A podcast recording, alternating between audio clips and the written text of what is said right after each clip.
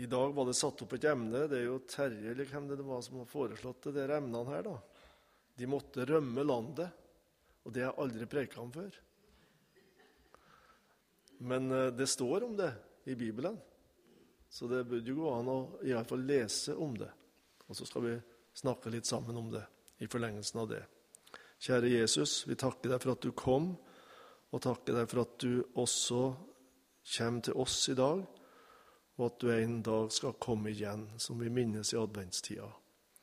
Vi ber om å ha den rette forventning, Herre. Og Vi ber også om at det vi skal samles om i dag, må få sette spor i våre sinn og i våre liv.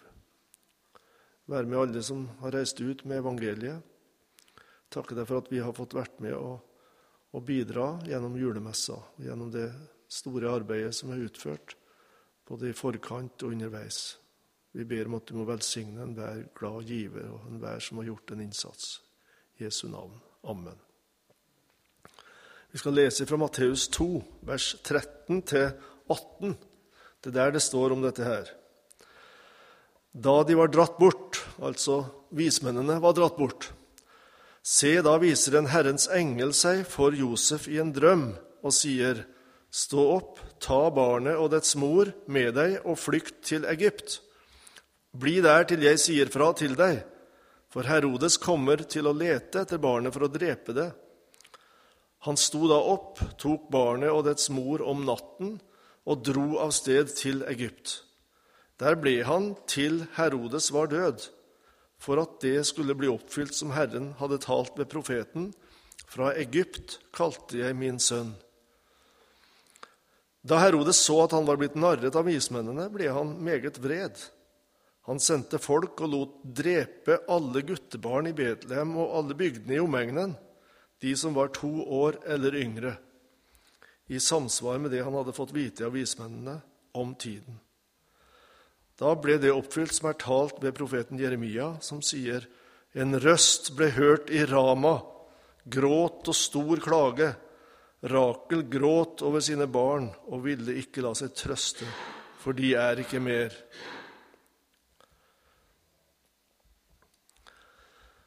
Vi har hatt flere sider for oss ved juleevangeliet nå i julemessa.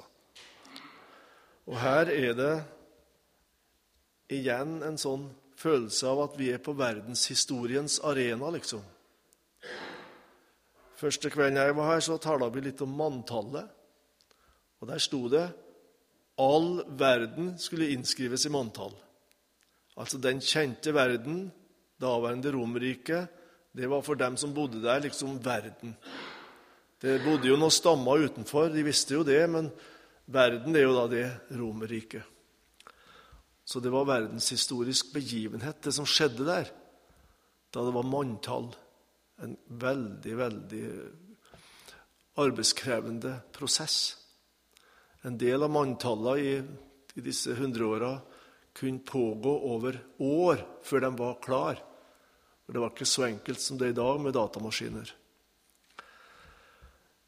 Inn i denne verdenshistoriske prosessen ble Jesus født, og kanskje fikk han sitt navn i manntallet. Han ble en verdensborger helt fra begynnelsen. Han ble ikke bare en jødegutt, han ble en gutt av Romerriket, av verden. Jeg er ikke sikker på om det betyr noen ting, men det setter oss iallfall på sporet av at Jesus ikke bare skulle komme til Israel. Han skulle komme og sette i gang en prosess som angikk hele verden. Og Det gjentas om igjen og om igjen i evangelia. Gud sendte sin sønn til verden. Han sendte han nok til Israel, men han sendte han til verden. Og han bar verdens synd. Og han sa en gang etter oppstandelsen, 'Gå ut i all verden'. Han ble en verdensborger. Profeten hadde sagt i Jesaja 49.: Det er for lite for deg at du skal føre Israels stammer tilbake til Gud. Det var jo det han gjorde da, de første tre åra, å komme med kallet til Israel. Så jeg vil gjøre deg til et lys for hedningefolkene, så min frelse når til jordens ender. Det er et sånt globalt perspektiv på dette her, helt ifra begynnelsen. Og ikke bare det, men vi får lese om at Jesu fødsel satte i gang en prosess i naturen som var helt utenom alle naturlover, nemlig en stjerne som lyste så tydelig, og som varsla folk langt borte om noe ekstraordinært som var skjedd. I hebreerbrevet står det om Jesus at han bærer alle ting ved sin krafts ord. Og det gjorde han også da. Da han ble et menneske, som et lite barn, så var det en kontakt mellom det lille barnet og hele universet. Gud og Jesus omtales begge som bærere av skaperverket. Alt er av Gud, og alt holdes oppe ved Sønnen. Og det var jo sønnen som lå i krybba. Og så sørga Gud for, og Jesus for, at det ble tent en stjerne. Om dette var bare et syn som stadig forfulgte disse vise menn, eller om det var en reell stjerne som ble skapt, det, det dveler ikke Bibelen ved. Det trenger ikke vi å spekulere i heller. På fjellet har vi et kjempebilde der eh, de som laga nybygget, som vi kaller det, eller hovedbygget på Fjellhaug, tenkte seg hvordan det var, eller mener å ha sett hvordan stjernebildet var da Jesus ble født, og at det var noen stjerner som da falt sammen, sånn at det ble en stor stjerne. Det er sånne spekulasjoner som vi ikke har grunnlag for, egentlig. Men det går an å spekulere. Men barnet i krybba og begivenheter i universet, mellom det var det en kontakt. Og adressaten for den stjerna var heidninga. Det er det samme. Det sprenger rammen for Israel, grensen for Israel, ut fra jødeland. Fra jødene kommer frelsen, sa Jesus. Men den kommer ut til hedningene. Og så får vi liksom en slags foregriping av at heidninga får varsel, får høre og se noen ting og møte Jesusbarnet i krybba, disse vise menn. Foregrip det som Jesus sjøl sa seinere. De skal komme fra øst og fra vest og sitte til bords i riket sammen med Abraham, Isak og Jakob. Og dette riket, det er det riket der han er Messias, kongen. Men det skjedde også et nasjonalpolitisk maktovergrep, som vi nå har lest i dag. Og det var framprovosert av Jesu fødsel. Vismennene dro først til Jerusalem, for de tenkte det måtte være der kongebarnet var født. Herodes, kongen, Herodes den store, han spurte sine rådgivere på det religiøse arenaen, øverste prester og skriftlærde, hvor skal Messias bli født? Det er ganske underlig at den tanken oppsto i en, i en uh, konge, kong Herodes. Han har hørt, han kjente Messias-løftene, men han var ikke så godt orientert at han huska eller har merka seg hvor var det dette løftet knytta, barnet som skulle fødes. Og så får han beskjed, profeten Mika har sagt, i Betlehem, i Judaland. Der skal han fødes. Og da tror faktisk Herodes så mye på løftene at han sender vismennene dit. Og så kaller han dem til seg før, før de drar, i hemmelighet. Han ville ikke at de andre skulle vite om dette her, men kom tilbake og varsle hvordan det går, sånn at jeg også får være med og tilbe dette barnet. Det var hykleri. For i Herodes' hjerte, midt i det at han trodde profetiene om en Messias og faktisk begynte å tenke at nå er det i ferd med å skje, så så han en rival, en potensiell opprører i dette barnet. Og han tenkte at kanskje skal jeg klare å kverke det der i begynnelsen. det som kan bli et problem for meg som konge.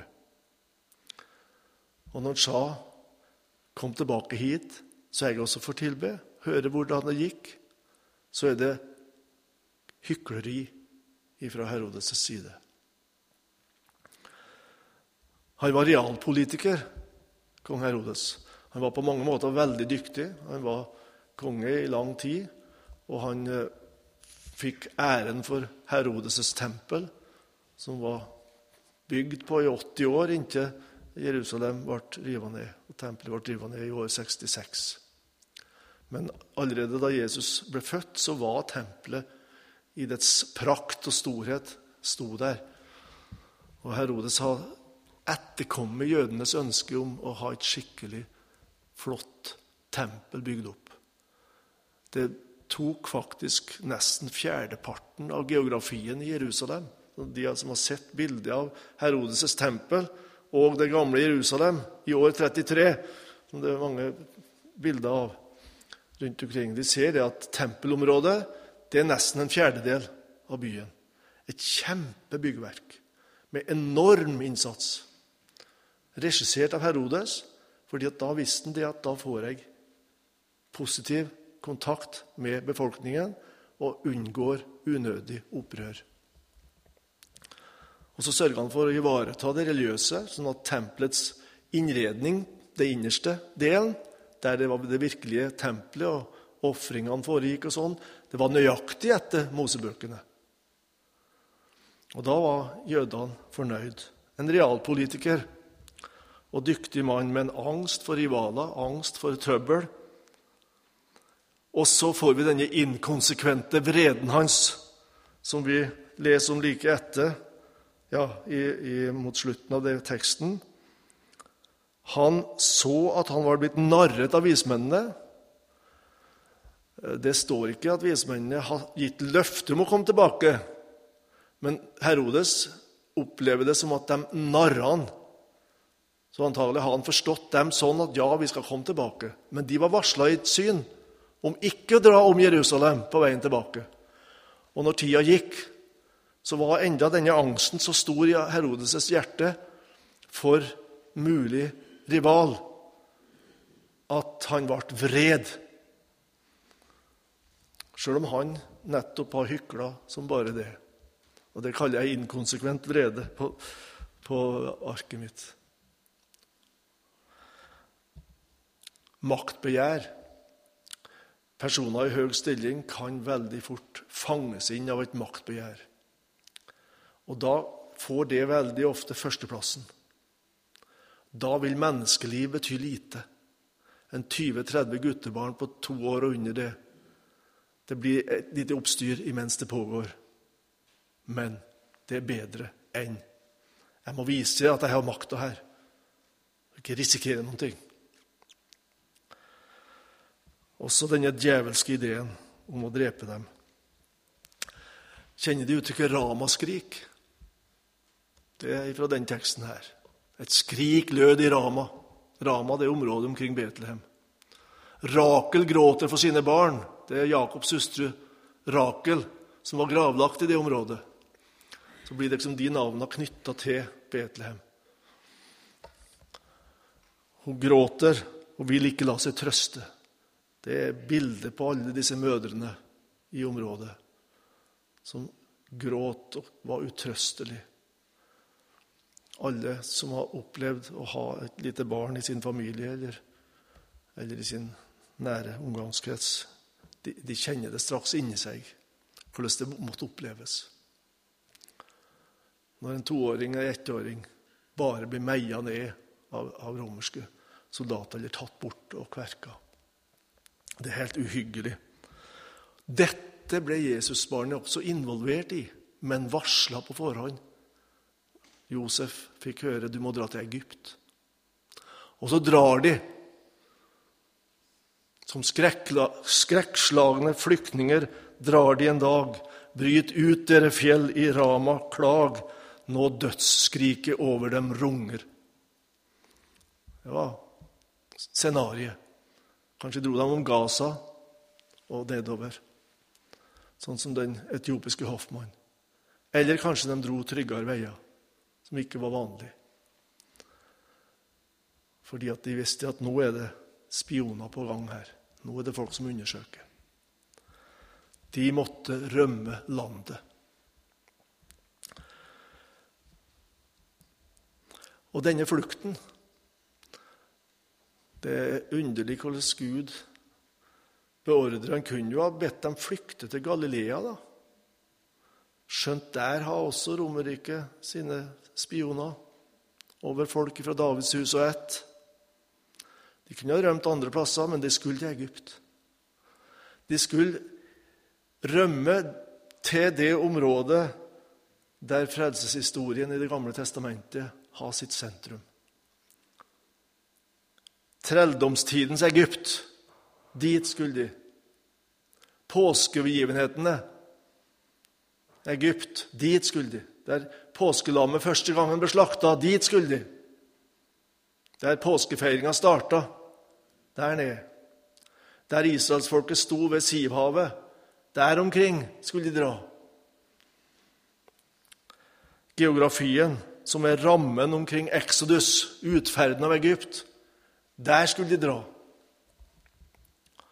Dra til Egypt. Og i Egypt var det flere titalls tusen jøder, kanskje et par hundre tusen fra tidligere tider, som tala gresk, men som var sterk jødisk identitet. I de miljøene må vi regne med at Jesus, Josef og Maria havna. I de miljøene der det ble lest ifra Skriftene. Jeg ser for meg, nå er jeg litt barnslig da, når jeg prøver å se for meg hvordan dette foregikk. De har vært i synagogen i, i Alexandria, kanskje, store synagoger, og kommer hjem. Og så nynner de på sånne vers om frelseshistoriens Gud. Han kom i hu sitt hellige ord til sin tjener Abraham og han førte sitt folk ut med glede, sine utvalgte med fryderop. Det var liksom historien deres. Samme historie som de hadde, jødene i Israel. En felles historie, men nå bodde de i Egypt, i utlendighet, flere titalls tusen, og Jesus, Josef og Maria. Våre fedre i Egypt aktet ikke på dine undergjerninger, de husket ikke dine mange nådegjerninger, men var gjenstridige ved havet, ved Rødehavet. Men han frelste dem for sitt navns skyld, for å gjøre kjent sin veldige kraft. Kanskje var det musikk til dette her, og toner. Det har vært mye sang og musikk i jødefolkets historie. Og så sang de det. Så satt Josef og Maria med Jesus to-tre år gammel. Etter hvert kanskje ble han fire år før de dro tilbake. Og så sang disse sangene. Kanskje Maria hadde han på fanget og sang her, Jesus. Her var det Moses vandra omkring, han som ga oss Salme 90.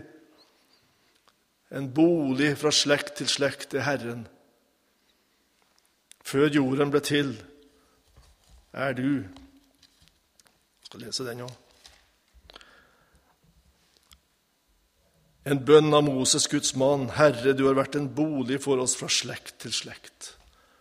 Så begynner Maria å fortelle om sin mor og sin bestemor, eller bestefar, og Josef om sin far og sin bestefar og bestemor. Men med slekten. Du har vært en bolig, Gud, for oss fra slekt til slekt, generasjon til generasjon. Det sa allerede Moses.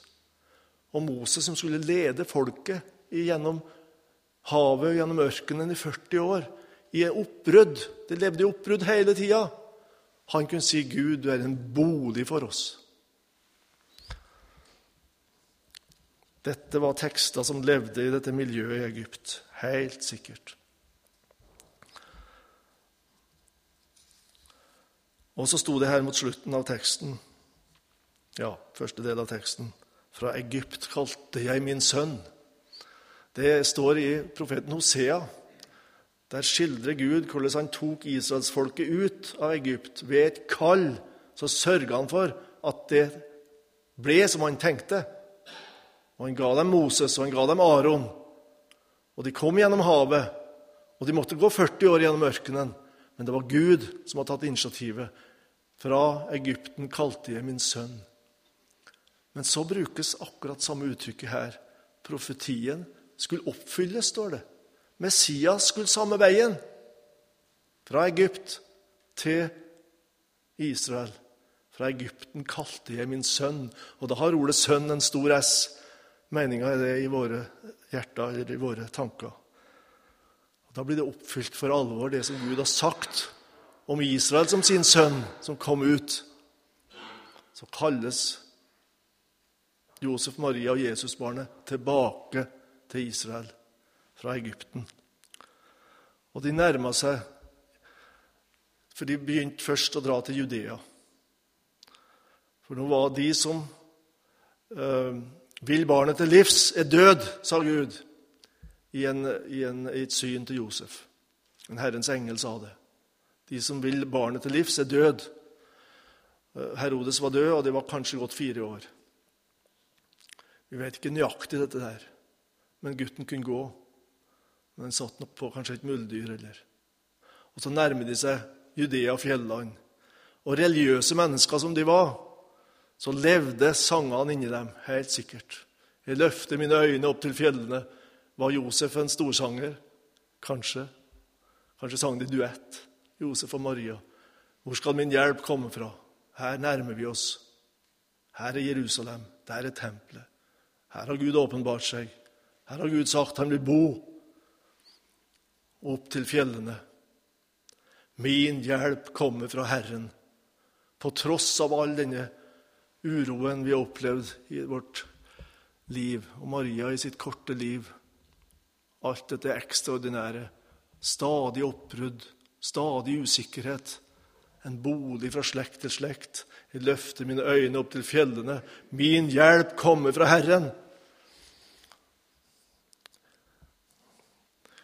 Sånne ting har forsvunnet blant mange, kanskje også blant mange av oss kristne, som virkelig realitet i hjerte, vårt hjertespråk.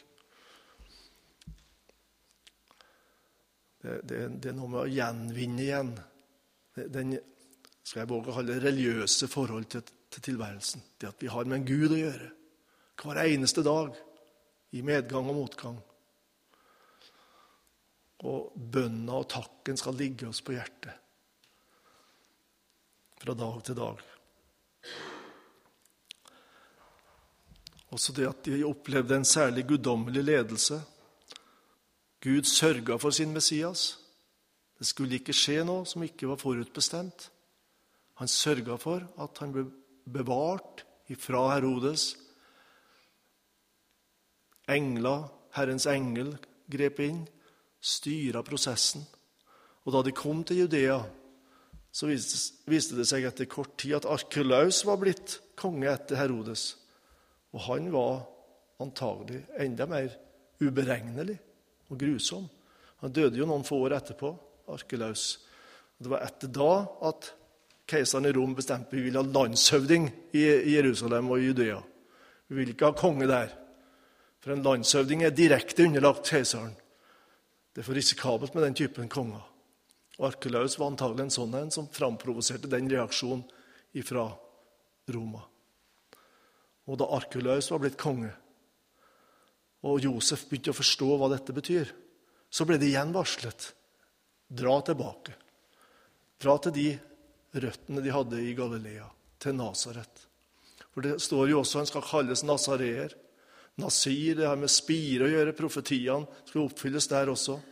Han skal vokse opp der i Nasaret etter denne tida i Egypt.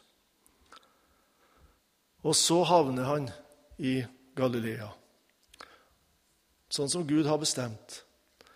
Sebulons og Naftalis land. Det var, der, det var de stammene som opprinnelig var plassert der etter innferden i landet. Og så kalles det hedningenes Galilea, for der var det mye mer romerske tropper. Og det var innvandrere fra Romerriket. Og det var mye mer gresk. Vi tenker litt sånn at det var i Jerusalem det var mest internasjonalt miljø. Men det er neppe tilfellet. I Galilea var det veldig mye kontakt med Rom via romerske hærførere, soldater. Tiberias, f.eks., der var det stort sett ikke mange jøder i hele tatt. Hedningenes Galilea. Men det er blant sitt folk Jesus skal være fram til oppstandelsen. Stort sett allikevel. Det folk som satt i mørket, har sett et stort lys. Hedningenes Galilea. Det er der det skal begynne å lyse. Det var Guds plan. Og første søndag i advent er teksten egentlig da Lukas 4 i dag. Så nå prekes det rundt omkring i 800 kirker og 100-200 forsamlinger over den teksten i Norge, og kanskje i Afrika. Der Jesus trer fram og blir bedt om å lese fra en bokrull. Finn der det står 'Herren har salvet meg' til å forkynne. Og så kommer det hva han skal forkynne en ny virkelighet. Fattige, fanger, undertrykte, frihet, frelse. Og til å rope ut et nådens år fra Herren. Og Det var sånne nådefulle ord han brakte da han sa i dag er dette Skriftens ord blitt oppfylt mens dere hørte på. Det er en helt ufattelig setning. Her leser vi om en tjener som skal komme. Her leser vi om en frelse som skal bringes, et nådens år som skal starte. Det er jo derfor vi starter kirkeåret. Og så taler om at det er et nytt kirkeår, et nådens år. Egentlig er det jubelåret som ligger bak Det gamle testamentets jubelår, der folk som har det vanskelig, skal få frihet. Treller skal løses ut. Nå starter et jubelår med Jesus. Ja, for det må være det han mener. I dag ble dette Skriftens ord oppfylt mens dere hørte at jeg las. Jeg roper det ut. Og jeg, det er han som er omtalt. En skulle tro at det ble stor glede og jubel, og det ble jo også noen som var glad. Noen fatta håp. Men etter hvert som Jesus knytta profetien til sin egen person, så ble det for tøft for de ledende. Da ble de harm, står det. Og i Lukas 4 så får vi altså en, på nytt erfare at uh, hans liv er i fare. Alle i synagogen ble fylt av harme da de hørte dette. Ja, han fortsatte å tale litt. Og de reiste seg og drev ham ut av byen og førte ham ut mot pynten av det fjellet som byen deres var bygd på, for å styrte ham utfor stupet. Det var første søndag i advent, om du kan si det sånn. Det ble ikke tålt. Og det som ikke ble tålt, det var det at Jesus knytta det til seg sjøl. Løftene i Det gamle testamentet, som Gud nå har sørga for at skal realiseres gjennom hele min barndomshistorie og fram til jeg ble døpt i Jordan, og Ånden kom over meg, og Gud sa, Se, dette er min sønn. Alle de profetiene om han som skal komme, da peker Gud og sier ved dåpen, dette er. Og så trer Jesus fram i åndens kraft. Ut av ørkenen kommer han, og så står han der plutselig i Nasaret. Og så blir det ikke tålt vitnesbyrdet Gud har gitt om at dette er Sønnen, og som Sønnen sjøl var forplikta på å si om seg sjøl. I dag ble denne teksten oppfylt mens de hørte på. Det ble ikke tålt. Og så kom nye som ville barnet til livs. Og under de mørke skyene der levde Jesus i sin offentlige tid. Især siste året. Stadig vekk var det noen som begynte å rådslå, står det, om å ta ham av dage. Mange ganger står det. Det måtte være litt av en usikkerhet å våge å være en disippel av den Jesus. Og Den usikkerheten ligger bak når Peter i Cesarea Filippi hørte Jesus sa, 'Nå går vi til Jerusalem.' 'Se, vi går opp til Jerusalem.' Det var nærma seg den siste påska. Og da sier Peter nei. Det må aldri skje. Det er risikabelt. Da kommer det til å skje, det du sier om at du blir tatt og korsfesta. Og så er det en sånn sterk protest. Da har Peter og de andre disiplene også innimellom kjent på uroen og usikkerheten. Det å følge Jesus, det er ikke bare bare. Og Senere var det så tøft dette at han bantes i øversteprestens gård. Jeg kjenner han ikke! Da han svikta på det meste. For Jesus han skulle da ikke flykte den siste ruta. Derfor sa Jesus til Peter, 'Vik bak meg, Satan. Du har ikke sans for det som hører Gud til.' Det var Guds plan at han skulle til Egypt og ut av Egypt og bli bevart det var Guds plan at løftene skulle realiseres, at han skulle stå der i Nasaret og tre fram for folket. Og nå var det Guds plan at han ikke skulle flykte unna, som djevelen ønska. Vik bak meg, Satan. Jeg må til Jerusalem.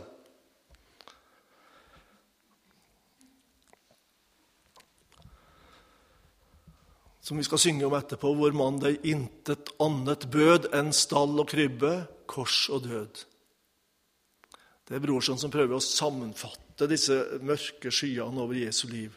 Helt fra begynnelsen av Herodes trusler, og så i Galilea, og ikke minst da han var nede i Judea og Jerusalem. Tre-fire-fem ganger kanskje var Jesus ned, opp igjen. Risikable turer. Og så sier han til slutt, 'Se, vi går opp til Jerusalem'. Hvorfor det? Skal det bli et nådens år? Peter, da må jeg dit.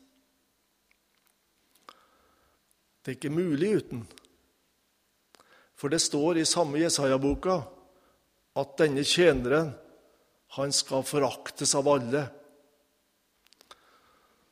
Han skal straffes, hånes, pines.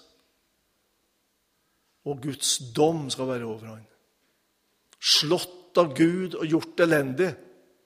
Det skal bli hans skjebne. Sannelig, våre sykdommer har han båret, våre piner, våre misgjerninger, våre synder. Det blir ikke et nådens år uten Peter. Jeg må dit. Og da skal jeg ikke rømme landet. Da skal jeg rett inn i det stedet der mørket rår. Og så stiger han ut av graven etterpå.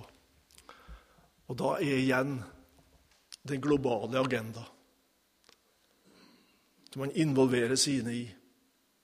Like risikabelt som under hans jordeliv. Peter og Johannes fikk merke det veldig fort. Gå ut i all verden og gjør alle folkeslag til disipler. Ja, hva er dette for noen ting? Det er det Gud sa til Abraham. I din slekt skal alle jordens slekter, alle folk på jorden, velsignes. Det er derifra det kommer. Og så får du denne globale agendaen. Gå ut i all verden risikabelt.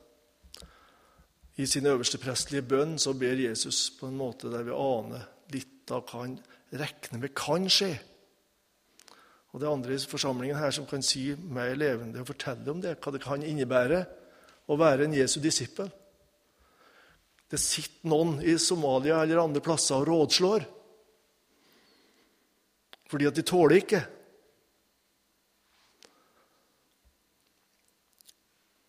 det er å følge Jesus etter.